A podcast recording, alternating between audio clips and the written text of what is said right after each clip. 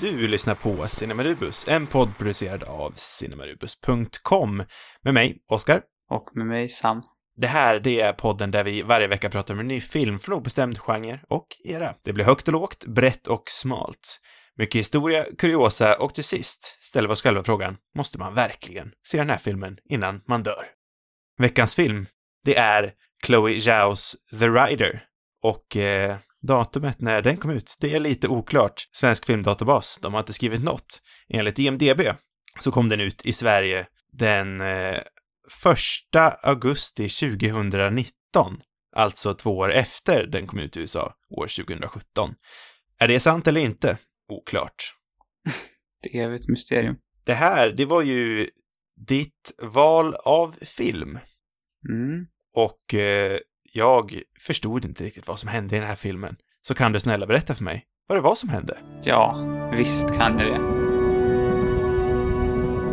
I'd sell Gus, Brady. You can't sell Gus. It's not like you can ride anymore.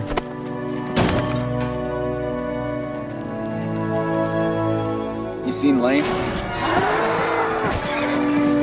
Remember when he went three for three in McCool Junction and won it? Yeah, that was a good night for Lane. There you go.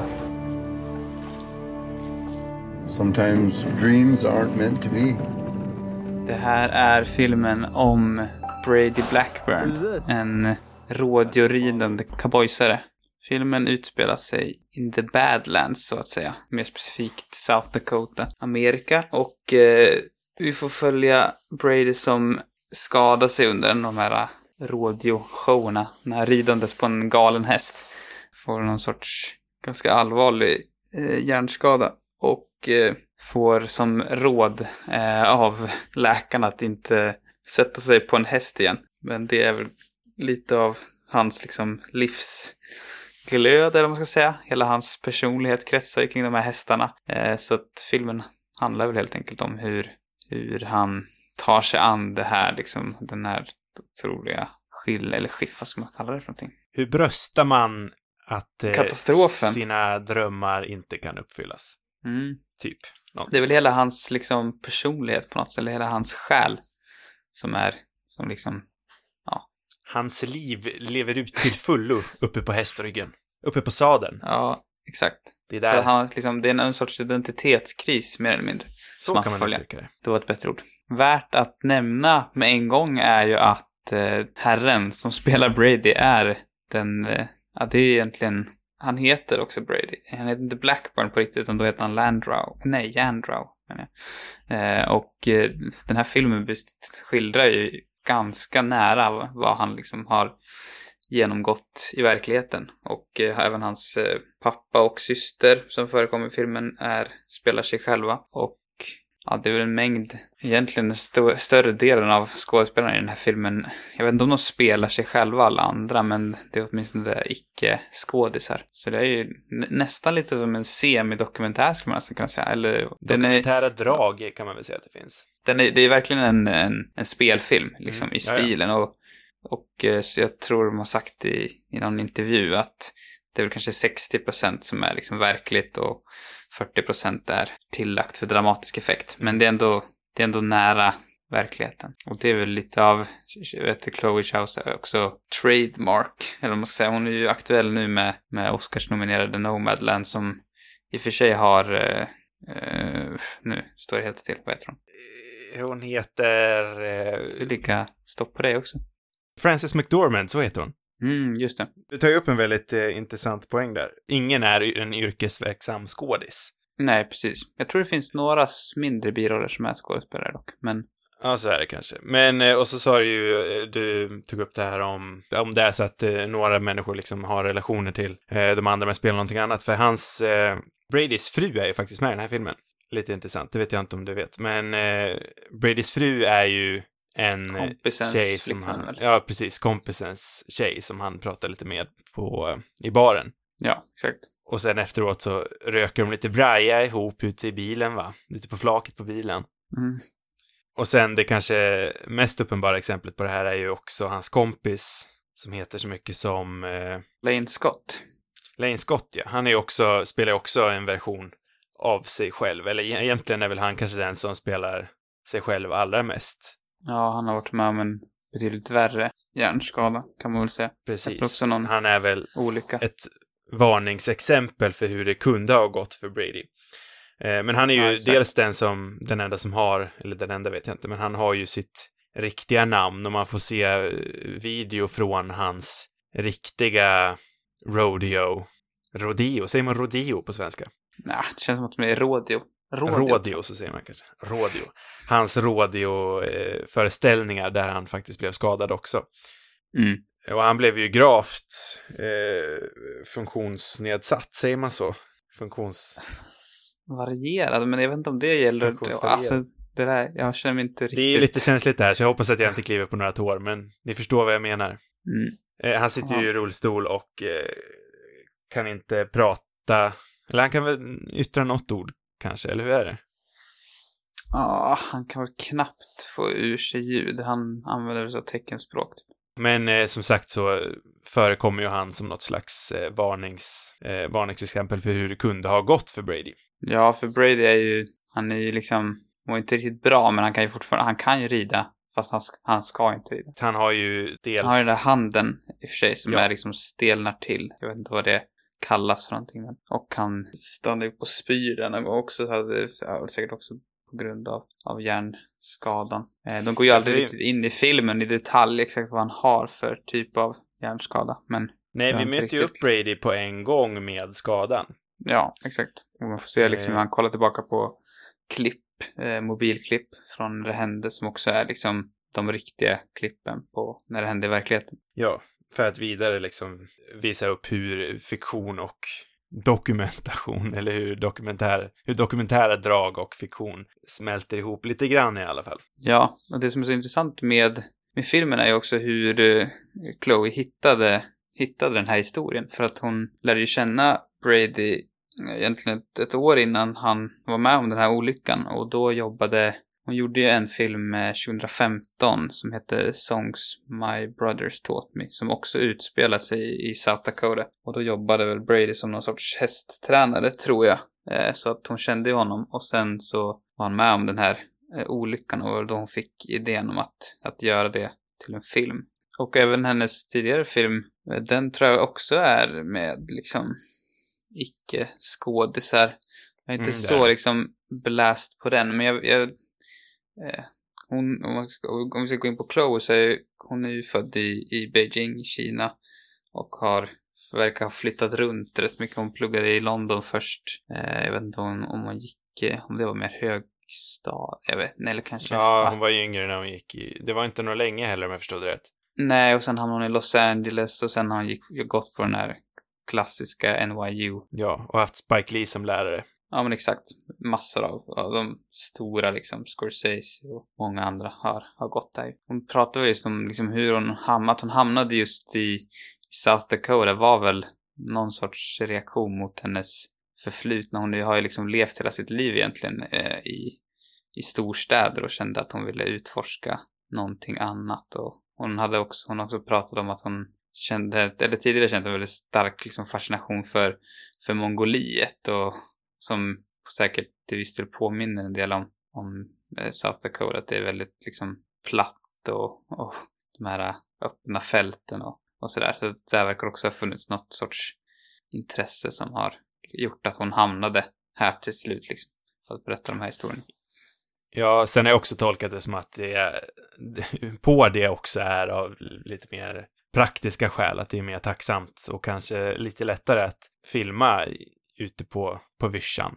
Ja, och det, hon har ju verkligen gjort det till sin stil också. Att hon har gjort tre filmer nu som alla ändå spelar väldigt mycket med, med landskapet har jag känt. Nu har jag ju bara sett den här, men, men det, det känns som att alla använder sig väldigt mycket av landskapet och hon nämnde också att hon vill visa liksom mänskliga känslor och, och eh, tycker väl, eller hon sa någonting om att, att språket är det som ofta blir liksom barriär mellan människor. Den är så här, liksom där, där krocken sker och de är mer liksom rena känslorna, typ, typ som ett, ett R på huvudet är någonting som alla runt om hela världen kan känna igen sig i och det är väl därför hennes filmer är ganska, ja men det är inte så mycket dialogen kanske som talar utan eh, det är liksom mer det andra, eller bilderna. Ja, nej, men det är ju precis som du säger, för det är det som gör den här äh, öppningsbilden när vi ser han riva av det här bandaget på huvudet. Mm. Det är ju en fruktansvärt stark öppningsbild och det är ju kanske mest på grund av det du säger, att det är sån eh, universal, liksom, ja men det är ju en universalbild. Är, man, man känner ju obehaget när han river av. Det svider ju i kroppen själv. Mm. Och det berättar ju också vad han är för sorts människa. Nu gör han det väl i och för sig för att han ska duscha om jag minns det rätt. Så Jo. det var kanske enligt instruktionerna att man skulle ta av det. Men Mm. jag hade nog inte gått in med någon kniv och liksom spetsa bort eh, klamrorna. Nej, precis. Sen handlar ju hela filmen också om, alltså även om man inte kanske, man känner igen sig i, i råd och att man ska göra det här farliga, men jag tänker, alltså att, att just, eh, som vi sa i början, att det här är väl verkligen hans livsstil och hela hans själ och att, att inte kunna fortsätta med det, det känns också, alltså man, man kan liksom koppla det till så mycket annat, eh, andra liksom saker i livet, att alla, eller många har säkert någonting inte som är så här starkt, för honom är det här verkligen allt. Men ja, det, det är ändå liksom en, någon sorts grundkänsla där som jag tror många kan sympatisera med eller för, förstå sig på ändå. Ja, det är också alltså en del av, av verkligheten. Det finns, det, för den här radiokulturen är så stark där han är, så det är nästan det här som förväntas av en. Hans pappa hade gjort det här om jag tolkar det rätt. Mm, Alla hans kompisar gör det här. Det finns liksom ingenting annat.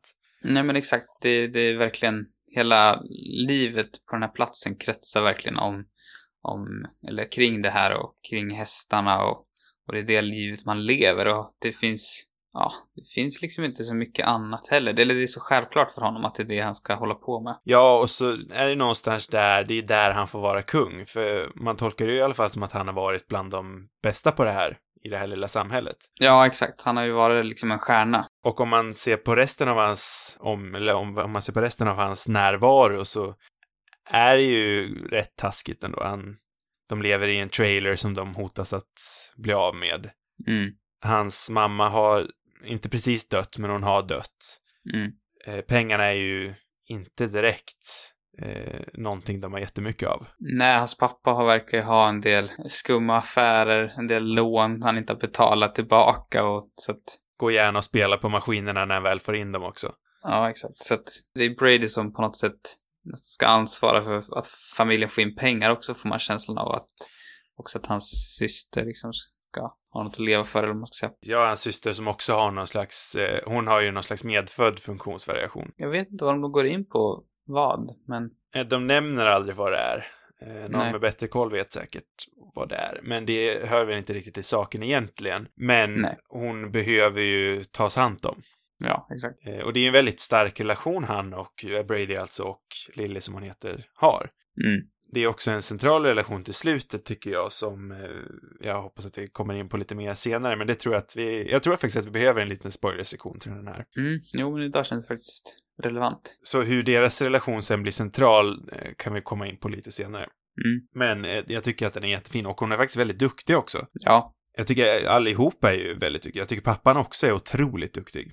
Ja, det är faktiskt väldigt svårt att se att inga av dem, eller ingen av de här skådespelarna är, att de inte är liksom äkta. Eller inte äkta, de är ju äkta, men att de inte är skådespelare. Jag, jag visste att eh, det inte var professionella skådisar, men när jag började se på filmen så visste jag inte om att det här var, eh, alltså att det här var en riktig familj, att det här var mamma, pappa, barn. Nej. Eller mamma, pappa, mamma är inte med, men Mm. pappa, barn, barn.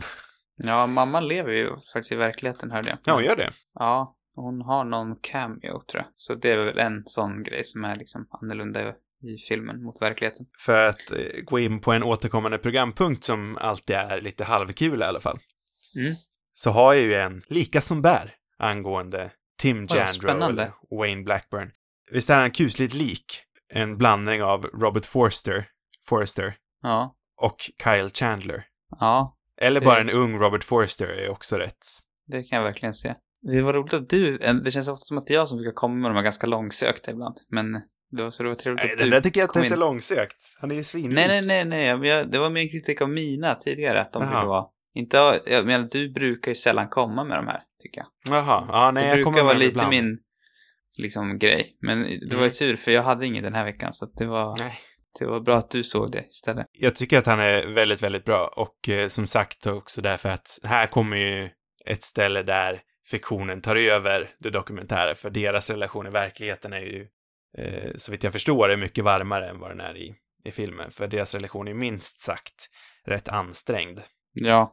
Det var också roligt, alltså också en grej som, som Chloe, regissören, påpekade att, att hade det varit en, eh, låt säga att den hade varit värre, deras relation i verkligheten, så hade, för det första kanske inte han, eh, ja, alltså att få dem att gå med på att vara med i den här filmen är en sak liksom. Men också att hade det varit en dokumentär till exempel, om man hade valt att göra en dokumentär istället så hade det kanske varit, varit svårare att, att liksom få med, ja, då hade man inte kunnat, då hade det blivit något annat liksom. Att man kan Mm. ändå spetsa vissa grejer och att, ja, ja, jag vet inte vad jag ska säga över det, men det, men det, just den här liksom, att, att det rör sig där mellan det dokumentära och, och eh, dramatiska eller, ja, spelfilm, det, det är väldigt intressant tycker jag. Ja, det är väldigt, det gör det väldigt trovärdigt. Och det, alla Mm. de här, som du säger, alla skådespelarna är ju, är ju otroligt bra och övertygande. Ja, jag tror ju någonting, om vi ska återgå till liksom det film, filmpraktiska i, i skapandet av filmen, så eh, Mm. är ju en av anledningarna till varför de kan hålla det så pass liksom naturtroget i den här eh, omgivningen är väl nog ändå att de bara var ett filmteam på sex personer. Med Mm. regissören Chloe då inkluderat.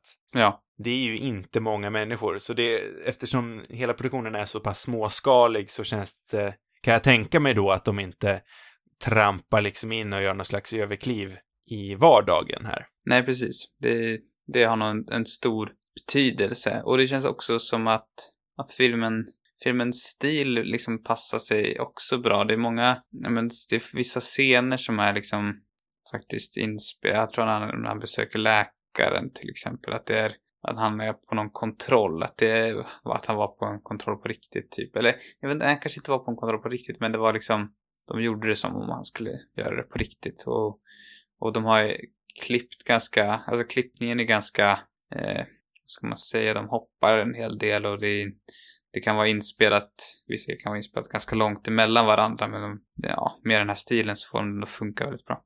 Jag älskar faktiskt fotot i den här filmen. Jag tycker det är jättefint. Ja, det är otroligt. Och han som, eh, Joshua James Richards, som har fo- fotat, han har ju jobbat med, med Zoe på, ja, både den tidigare och Nomadland och ja, de är till och med gifta i verkligheten också. Så att det Ja, känns exakt. som att han har varit, de två har liksom jobbat fram den här filmen väldigt mycket tillsammans kan jag tänka mig och, och fotot är ju en, men för en filmregissör som, som Zoe så känns det som att fotot är en väldigt, nej nu ska jag kalla henne Chloe. Det där, jag har ett problem där, jag vill kalla liksom, av någon anledning så tänker jag att hon heter Zoe Chow istället för Chloe. Ja, Ja, ja. jag tycker ändå att det är en rätt rimlig, Det är en rimlig fel, ett felsägning. rimligt hopp. Ja. Jag ska försöka referera till henne som Chloe istället i fortsättningen. Eh, ja, nej men för en regissör som Chloe så är det ju, känns det otroligt viktigt att, att ha en riktigt bra fotograf. Eftersom det är så mycket där i fotot som alla känslorna väcks. ja, det ligger Eh. så otroligt mycket själ i fotot. Och det är också, det, är ett fantastiskt landskap där. Jag är ju eh, personligen otroligt svag för, för det här liksom Heartlands eller Badlands som man kallar det. Eh, liksom den amerikanska vildmarken. Eh, och jag tycker de har, de har ju verkligen fångat det perfekt i den här filmen. Den fångar ju verkligen det som jag tycker både är det finaste och det fulaste med Amerika och det är ju att det är så fruktansvärt, det är ett väldigt platt land. Mm. Om man bortser liksom från de allra största städerna, kanske främst New York då, så är ju det är ett väldigt platt land. Storstäderna som Los Angeles till exempel är ju också väldigt platt.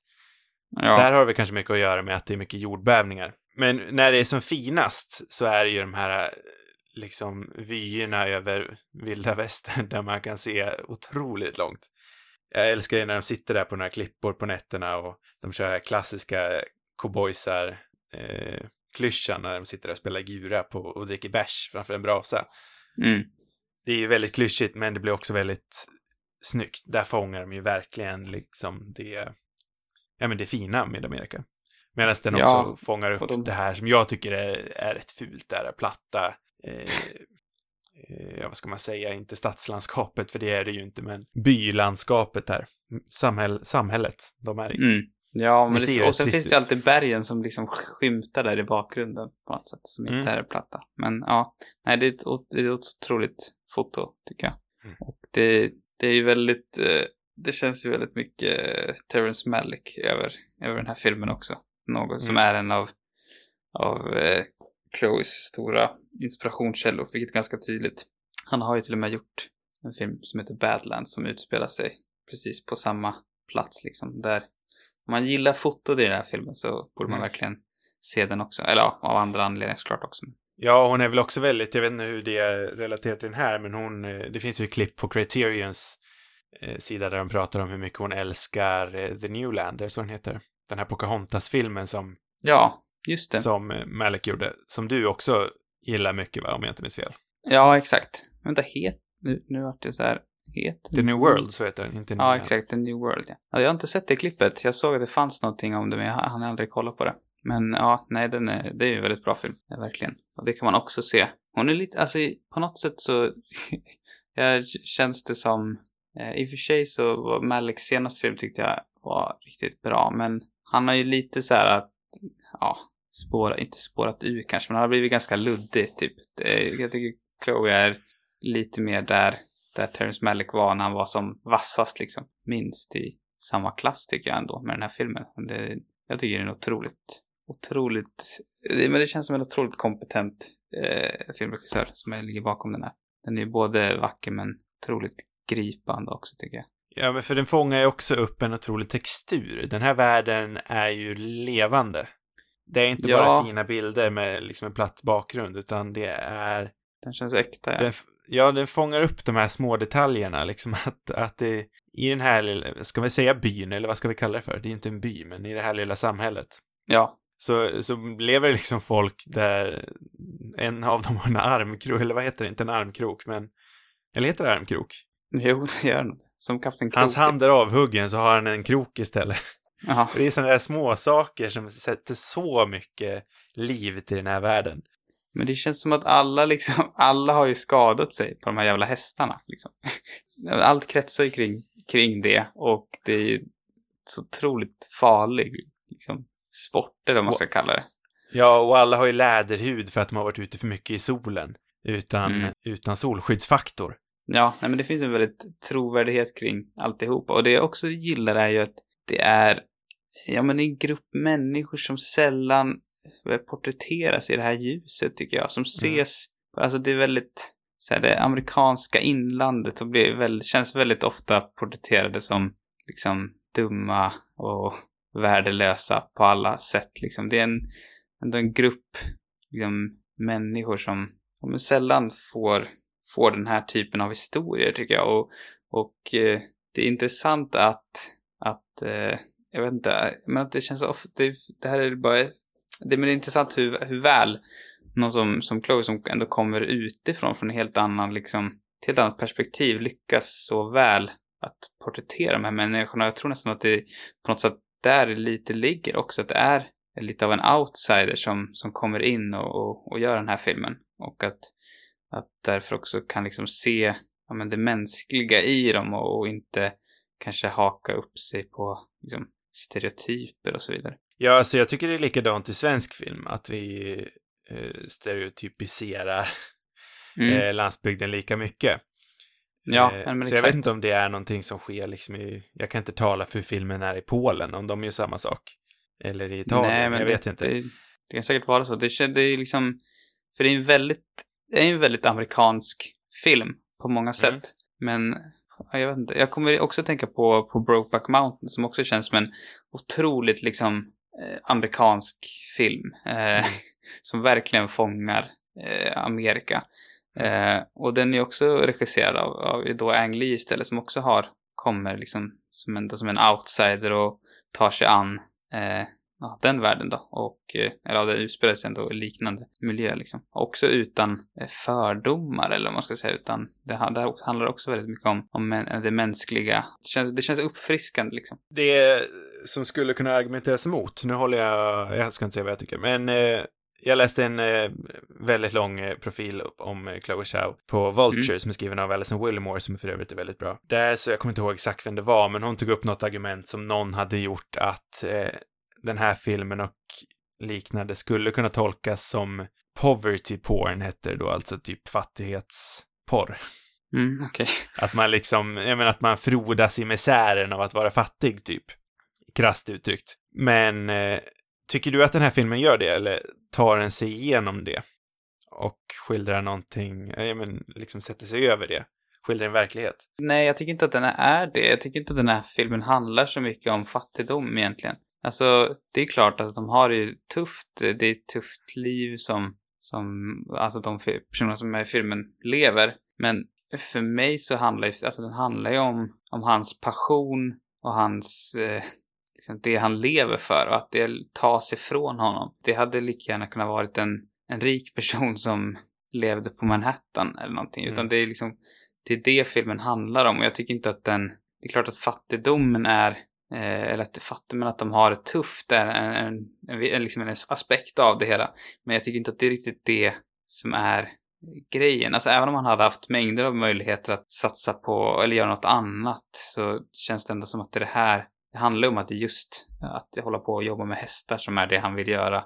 Och det som är hans passion. Så att jag tycker inte det, jag tycker inte det riktigt har med saken att göra. Det jag tycker att Chloe Zhao då i, ja men i manusförfattandet gör väldigt bra Mm. är ju att, precis som du säger, att hon, ger han ändå en möjlighet att om han hade velat ta sig ur det så hade han kunnat fortsätta jobba på den här uh, supermarketen. Ja, inte för att det är kanske någon jätte...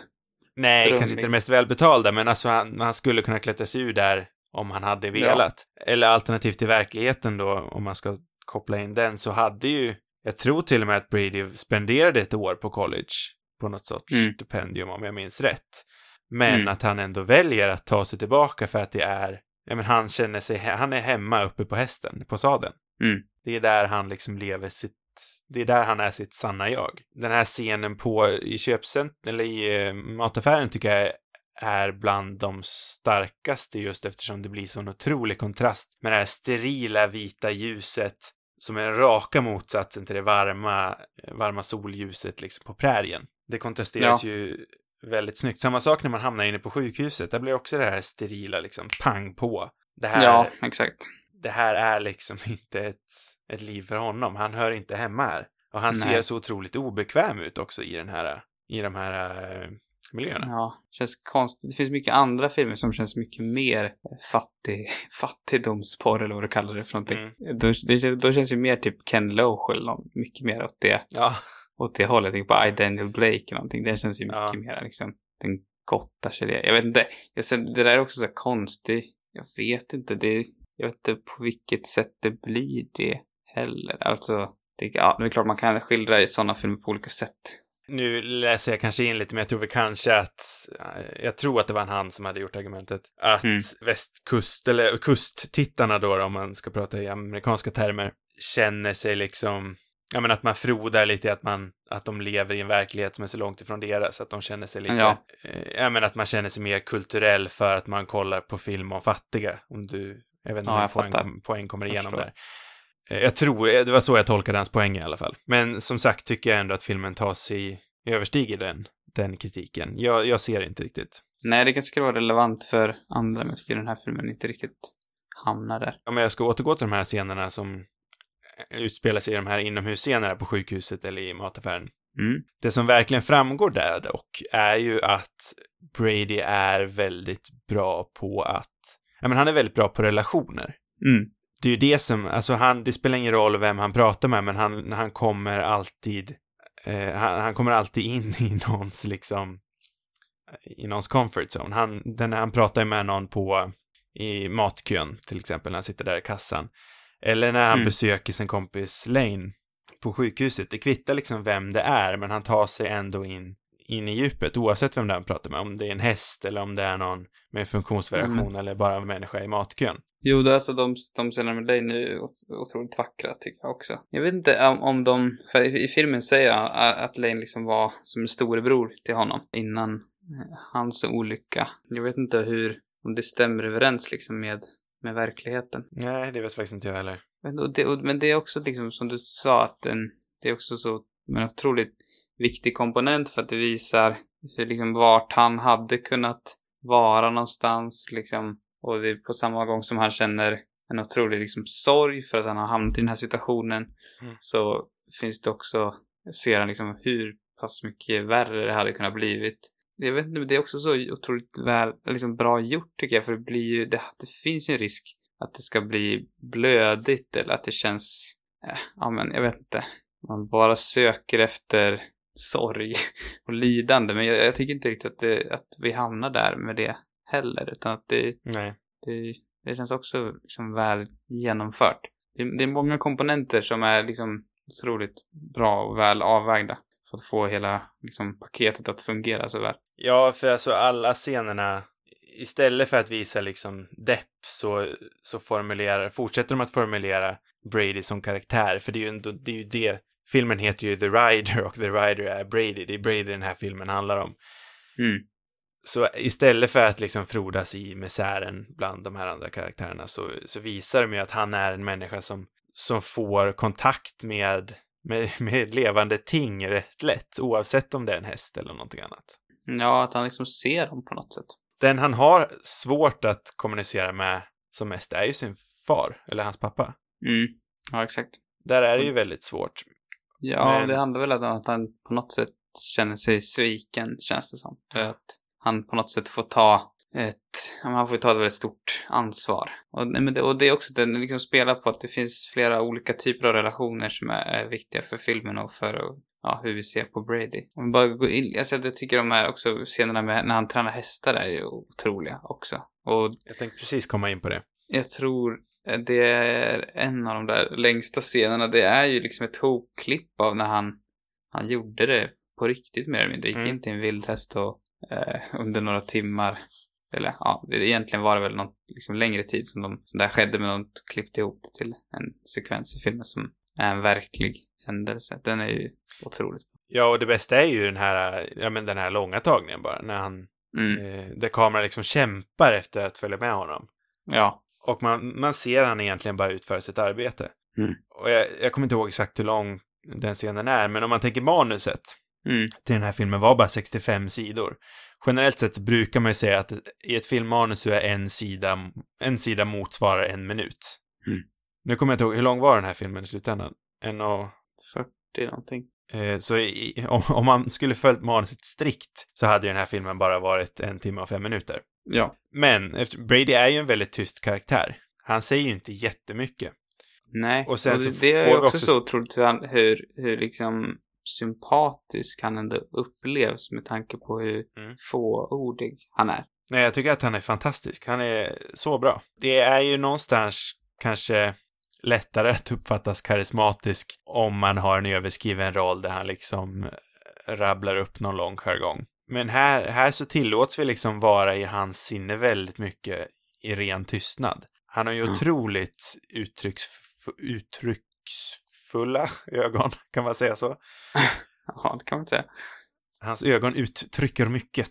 Nej, men jag tänker också på liksom hur, hur karaktären beter sig. Alltså det är en, en klassisk grej känns som i den här positionen att det blir väldigt mycket frustration över, och att det är liksom ofta den här karaktären som hamnar i den här situationen kan ju ofta vara arga eller vad man ska säga att de, de på något sätt de blir väldigt illa. i och för sig, Det finns ju sådana scener i den här filmen också där Brady på något sätt man ser den tydliga frustrationen men han är ändå väldigt, vad ska man säga, ganska eh, lugn. Att alltså uttrycker väldigt mycket äv- även fast han inte gör så mycket. Vi har ju pratat lite om det här om eh, Chloe Zhao som framtida talang.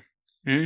Eh, det är vi inte de enda som tycker. Bland annat så har ju Bong Joon-Ho, som är en av de bästa regissörerna i världen, eh, sagt att hon, eh, han placerade henne på någon lista av topp 30 filmskapare att hålla koll på eller något sånt där. Parasitregissören borde vi kanske nämna. Eh, Obama satte den här filmen på eh, sin lista av bästa filmer det året. Han gör mycket listor, Obama. Han är ju så här, Mm. det är trevligt ändå tycker jag. Han har sin, han har en litteraturlista brukar han ha. Känns som att han har en låtlista också. Ja, det har han kanske. Just nu gör han ju en podd med Bruce Springsteen. Ja. Kommer han ha en liksom. poddlista i år också kanske? kanske, och där kommer vi placera på sjätte plats. Han kommer inte placera sig själv då, kanske. Hade, han är ju första plats, vi är sjätte plats. Ja, min och Bruce-podd kom etta. Eh, och så Frances McDormand då, som eh, kanske förstått, var ett stort fan av den här filmen också eftersom hon dessutom valde att produ- hon producerade ju den här eh, snart kommande Nomadland som kommer ut på Disney Plus snart tror jag. Men Man hade ju velat sett den på bio. Bor man i rätt stad kan man nog kanske se den, eh, möjligtvis. Men den, ja, lite svår att se i Sverige just nu i alla fall. Ja, men man kan ändå uppskatta de här åren när det är pandemi, att eh, Disney Plus ändå lägger upp de här filmerna. Jag vet inte om det blir innan galan, men jag uppskattar Ja, jag tror att det skulle komma lite efter tyvärr. Lite efter Oscarsgalan. Snart börjar det bli dags för spoilersegment känner jag. Det enda Eh, man ska vika in ännu mer om, om, om, jag tänker bara på hennes framtida filmer är ju minst sagt intressanta. Eller liksom, Mm. det känns som att du kanske ska säga någonting om det. Jag minns ju dock väl att du förra veckan sa att nej, inget Marvel-snack, men nu tar du in på det Ja, själv. just det. Nu är det inte... Ja, nej men jag vill inte, eller inte snacka om Marvel. Det är mer vad... eh, Alltså att, att, att hon går från den här typen av filmer till att göra en Marvel-film är ju ändå ett enormt hopp. Med professionella skådisar, stor budget. Ja.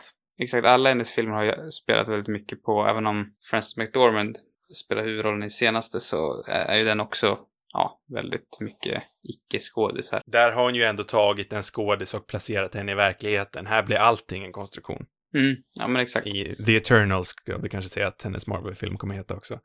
Ja, och det, sen det är ju inte bara det, sen är det att det är liksom en Marvel-film också. Hon hade ju kunnat gått liksom till att göra, ja, en dramafilm fast använda sig av riktiga skådisar. Det hade varit ett inte så otroligt hopp. Men det här är ju en helt, ja, jag vet inte. Jag känner mig, men jag är lite nyfiken på vad, hon kan liksom hitta på inom det här ganska, ja men trista systemet som är Marvel-filmer. Men, eh, så att det är någon sorts, liksom, det känns som att det kan ju vara något helt otroligt. Eller jag vet inte, det, jag vet inte vad. Det är ju så otroligt konstig kombo. På samma gång som jag också jag- känner en viss besvikelse över att, att hon inte gör någonting. Jag tycker att det är bra att hon tar liksom ett försöka hitta på, alltså att göra någonting annat, att bryta av, liksom. Men, men, ah, jag vet inte. Det jag, om jag får vara lite fördomsfull, så eh, kan jag tänka mig att eh, Chloe Zhao är ju sån otroligt egen röst. Att det här skulle kunna bli lite motsvarande när Ryan Johnson tog över Star Wars och det blev ju ett fruktansvärt ramaskri. Mm. Att han liksom gjorde lite vad han, han gjorde lite vad han ville med den, med de karaktärerna. Och jag eh, ser ju inte att Chloe Zhao kommer göra någonting annorlunda än det. Hon kommer ju nog också göra exakt vad hon vill. Det tacksamma är ju dock att The Eternals inte är några stora... Jag tror inte det är många som har The Eternals som sina favoritsuperhjältar. Nej. Så det är lite av en öppen bok. Men jag undrar hur, utan att trampa några på tårna, men hur trångsinta serietidningsfantaster kommer ta det när Chloe Zhao kommer in och gör sin egna grej med de här karaktärerna. Ja, det, är, det är svårt att veta. Men har de, hur långt har de kommit i den, med den filmen egentligen? Är den är väl nästan... Klar i princip. Borde den väl vara. Ja, för annars hade det kunnat vara en situation att hon bara skulle, alltså att det skulle bli problem också. Att, att hon skulle liksom, att det inte skulle funka samarbetet typ. Ja. För det, det har ju också skett att regissörer med en ganska stark liksom egen röst har inte riktigt funkat. För sig kanske de har blivit mera öppna. Jag tror de har släppt på det där. Lite grann. För att jag menar, som Edgar Wright eh, gjorde ju första Ant-Man, eller han började ju på den i alla fall. Jag vet inte hur långt Mm. gången den Den var. kom ju långt. Ehm, och det finns, vad är det fler? Det finns väl någon fler också som har avbrutit, kanske. Eh, jo, men det gör det väl. Ja, så det, vi behöver inte ge oss in i det, men det, det är en Nej. otroligt oväntad kombo, så det är liksom både, det, ja, jag känner mig väldigt splittrad inför det, men det blir intressant att se i alla fall. Ja, ja nej, jag kommer absolut kolla på den. Det kanske är den nästa Marvel-filmen jag ser. Kanske. Mm. Eh, vi har Ehm, några punkter, eller hade du något? några, nej, inget mer. Inget mer Marvel. Jag har några punkter jag vill ta upp innan spoilers-sektionen. Eh, det här är ju ett till programpunkt som jag inte tar upp sådär jätteofta, men som jag brukar ta upp ibland. Vad trodde Mm. jag att den här filmen handlade om? Ja, just det.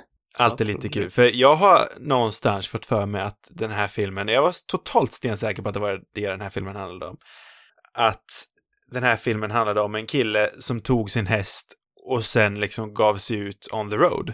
Mhm.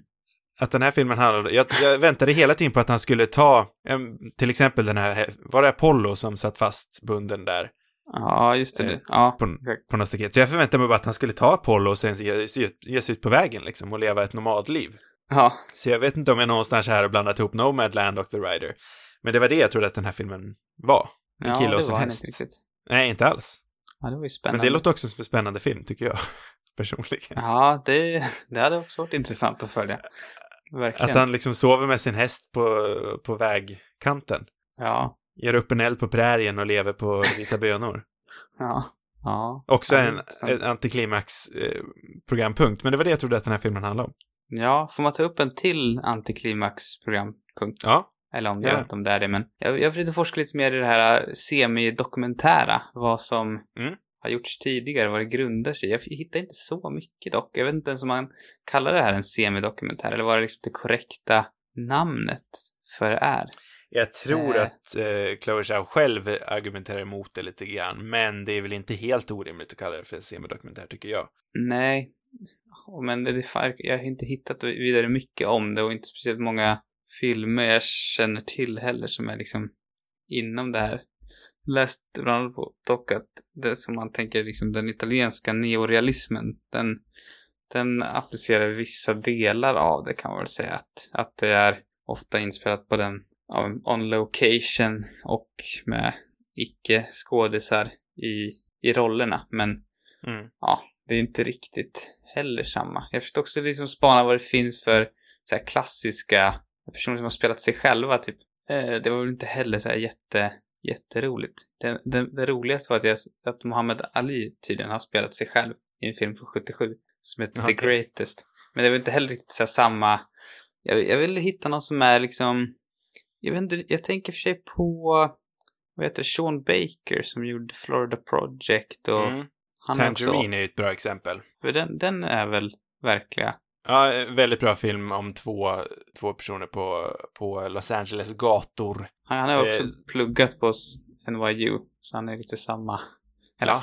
det har många andra gjort också. Men han, han nämndes i någon intervju också som en av de liksom nya, stora, eller vad ska säga. Mm. Ja, men han tycker jag absolut kan räknas in där.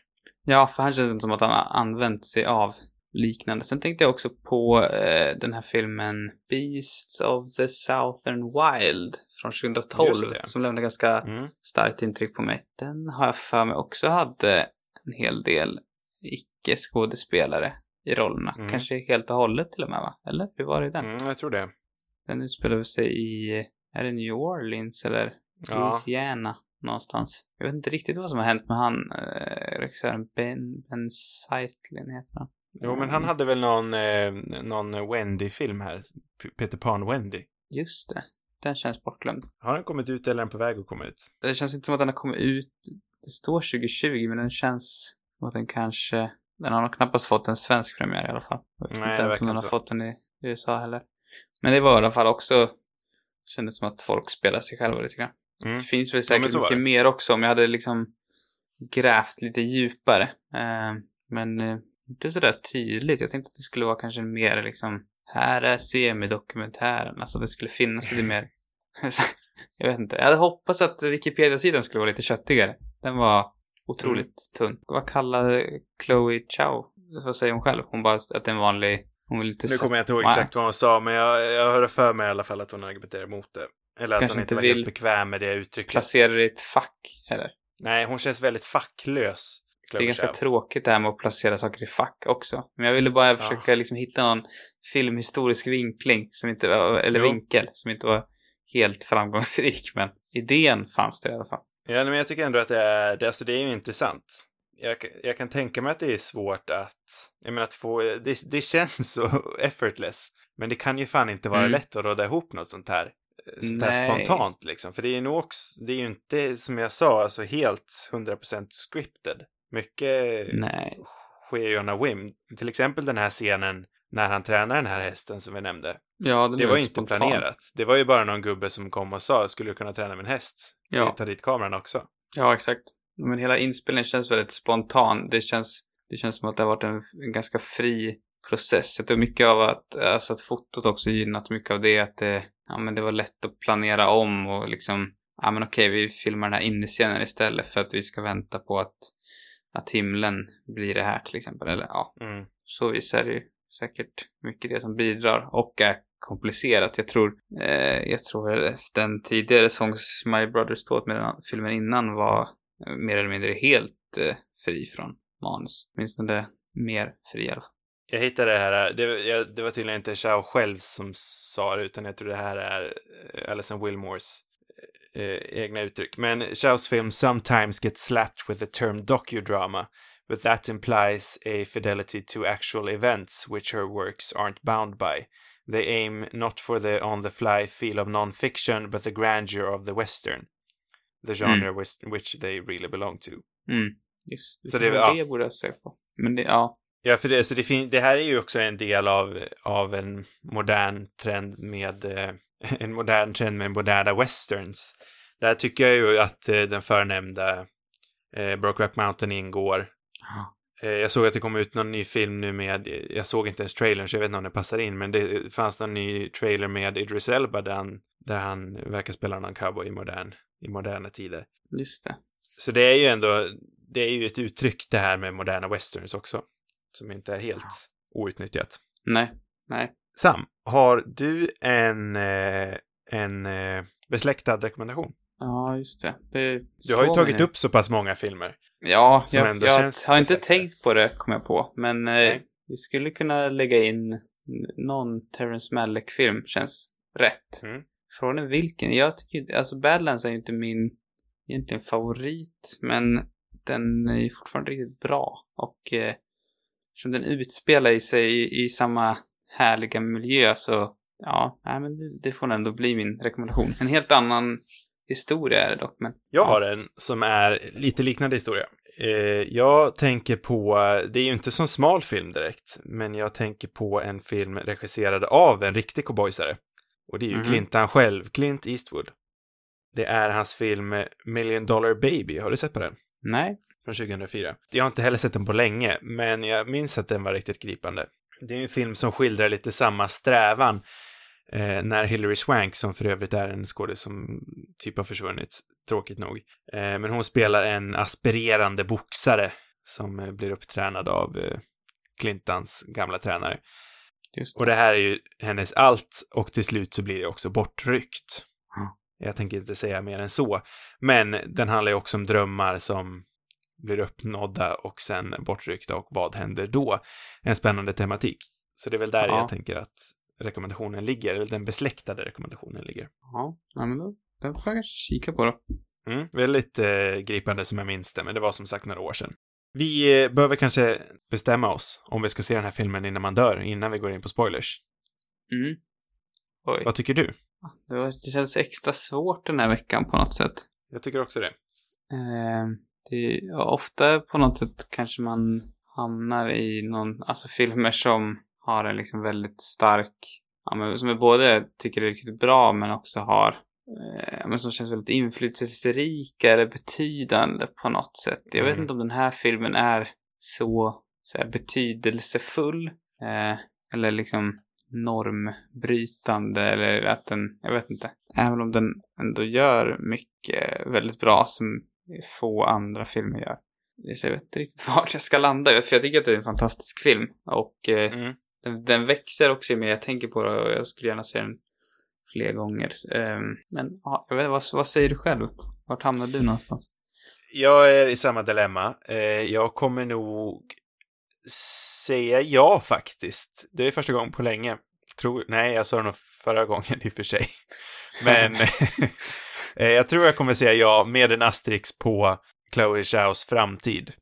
Ja, För om hon kommer bli en av de här eh, framtida giganterna, vilket vid det här laget lutar mot, så ja, tror jag att det här kommer vara valt liksom... att göra den där Marvel-filmen då kanske. ja. Ja, eh, nej, men då tror jag att det här kommer vara en essentiell liksom, film att gå tillbaka och kolla på. Att här, här började liksom storheten som kommer bli Chloe Zhao.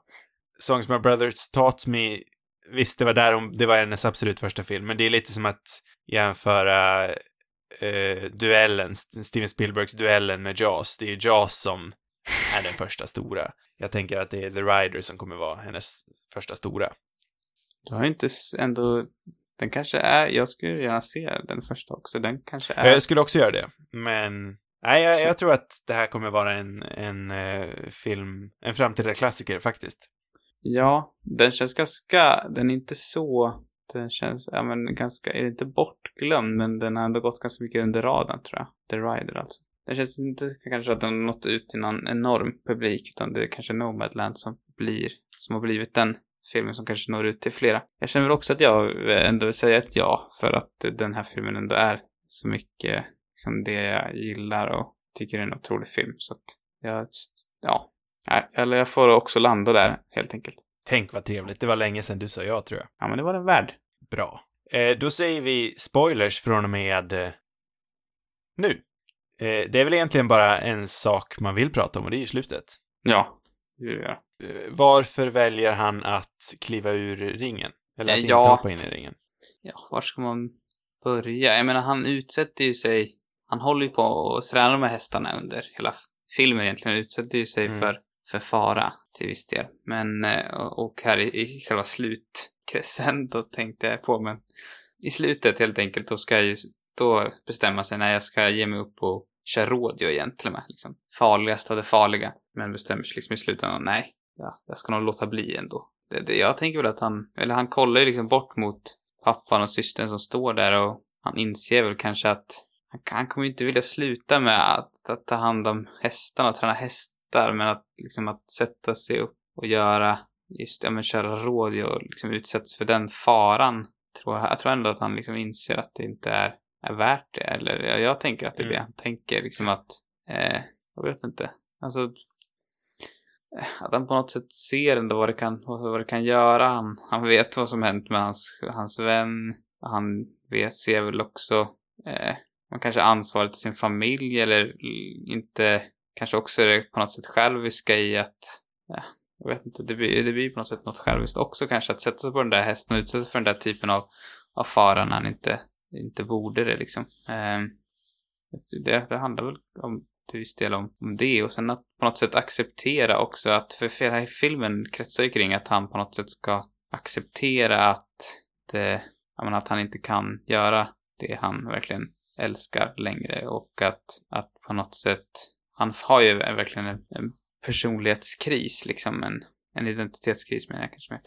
Ehm, och att på något sätt kunna gå vidare och menar, att han kan acceptera att vissa grejer kan inte vara som det var förr, men att han åtminstone kan ha den här liksom tränandet av hästarna. Det, det, det är så jag ser det i alla fall. Ja, jag, jag tolkar det lite som att han inser att hans kall kanske har utvecklats och att det nu borde vara liksom att, att hans kall numera är att ta hand om, om Ja. ja. levande ting. För han blir ju, i verkliga livet så blir han ju en hästtränare. Men han inser ju Mm. också att han måste ta hand om sin syster, någonting som han har lovat. Mm. Han lovar ju henne en jättefin eh, scen med de två att eh, han alltid ska ta hand om henne. Att han aldrig ska lämna henne. Mm. Eh, och samma sak med Lane då också, som han också tar hand om och liksom... Det är ju jättefint de här scenerna där de tränar att, hur det är att rida liksom.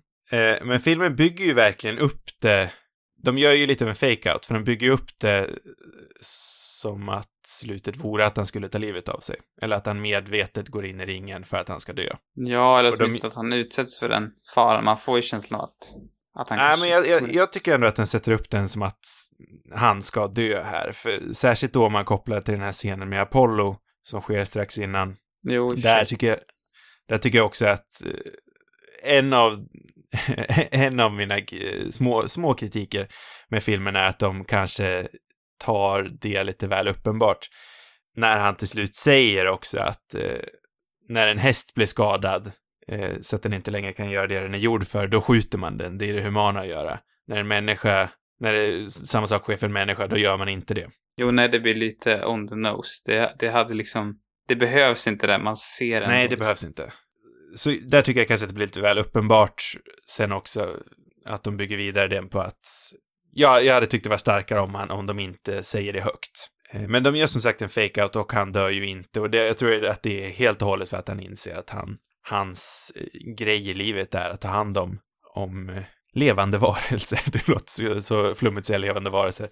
Men jag kan inte säga individer för en häst räknas väl inte som en individ? Eller det gör det kanske? Jo, nu kanske du får hästfolket på dig. Åh nej. Nej, nej men, nej, men absolut. Det, det har du helt rätt i. Och det, ja men det, han på något sätt hittar sig själv igen ändå. Alltså Mm. han hittar sitt kall. Mm. Ehm, nej, det är väldigt snyggt. Den hade ju kunnat Mm. sluta i att han dog där också. Det hade inte varit lika tillfredsställande. Nej, Då hade han liksom exakt. inte nått Det- fram. Inte bara för att man gillar ett lyckligt slut, men Nej, men det, det, hade inte, det hade inte känts rätt om han dog. nej. Utan det är en väldigt snygg fake-out ändå, att de vänder på det där. De bygger upp det som att han ska mm, ta livet av sig, men de vänder på det. Jättesnyggt tycker jag. Känner vi oss klara där? Mm, jag tror det. Jag har nog inget mer. Det är väl bara nästa veckas film, vad du har på gång för någonting. Precis, jag tänker att vi har någonting spännande på gång här. Eh, du tog upp eh, New Orleans och Louisi- Louisiana alldeles nyss. När vi pratade om Mm. Beasts of the Southern Wild, vilket jag tyckte var lite kul. För jag har ju varit på en jävla New Orleans-kick på sistone. Det är en jävla cool stad alltså. Det här låter spännande. Jag såg ju bland annat, jag kunde inte låta bli att se på Pelikanbrevet efter vi pratade om alla presidentens män förra veckan. Som också utspelar sig i Nu menar du Pelikanfallet, va? Pelikanfallet, ja. Och som också utspelar sig till stor del i New Orleans. Ball stad. Jag såg på Prinsessan och Grodan, Disneys, en av Disneys mer underskattade tecknade filmer, också utspelar sig i New Orleans. Så då tänker jag, såklart ska vi se på någonting i New Orleans. Så jag googlar runt lite, vilka är de bästa New Orleans-filmerna? Mm. Och då dök ju en regissör och en skådespelare och en tidsera och eh, genre som jag pratade lite om, men som vi inte pratat nog om. Så jag tänker att vi Oj. ska se på en film av Michael Curtis, som Mm. kanske är mest känd för att ha regisserat Casablanca, Just det. och eh, Robin Hood, en eh, av mina favoritfilmer med Errol Flynn. Eh, Är det den det där är en svart... Utspelar den sig Nej. i New Det är Orleans? inte den, det är inte Men den jag jag vill ju se den. Kan du välja Ja, den nej, någon tyvärr. Tyvärr. Det är en svartvit film, såg Mm. vi, eh, som jag gillar att se på, eh, från 1958. Det är en musikal och i huvudrollen, ja där, där har vi ingen mindre än Elvis Presley själv. Vi ska se på King Creole. Oj, det är ju spännande. Inte alls dumt. Jag vet inte så jättemycket om vad den handlar om, men jag vet att Elvis Presley kommer till New Orleans och så där antar jag att han blir kungen av Creole-folket. Intressant. Elvis är ju en minst sagt färgstark karaktär. Känns som att vi har en del att röra kring honom bara. Verkligen. Och det är kul med musikaler. Och det är kul med artister som blir skådespelare. Intressant regissör. Nej, jag tror det kan bli bra. Den finns dock bara att hyra på, eh, på Google Play, såg jag nu. Men det är väl tillgängligt för de allra flesta, Det tror jag. skulle jag ändå säga. Eh, Så passa på att se på den till eh, nästa vecka. Mm. Fler avsnitt, de hittar ni precis som vanligt på cinemarubus.com eller i din poddapp som du föredrar allra mest. Har du frågor och vill ha svar eller kanske ett förslag, då skickar du in dem till cinemarubus.gmail.com. Sociala medier, det har vi också. Där hittar vi Cinemarubus på Instagram och Twitter. God natt, allihopa! God natt.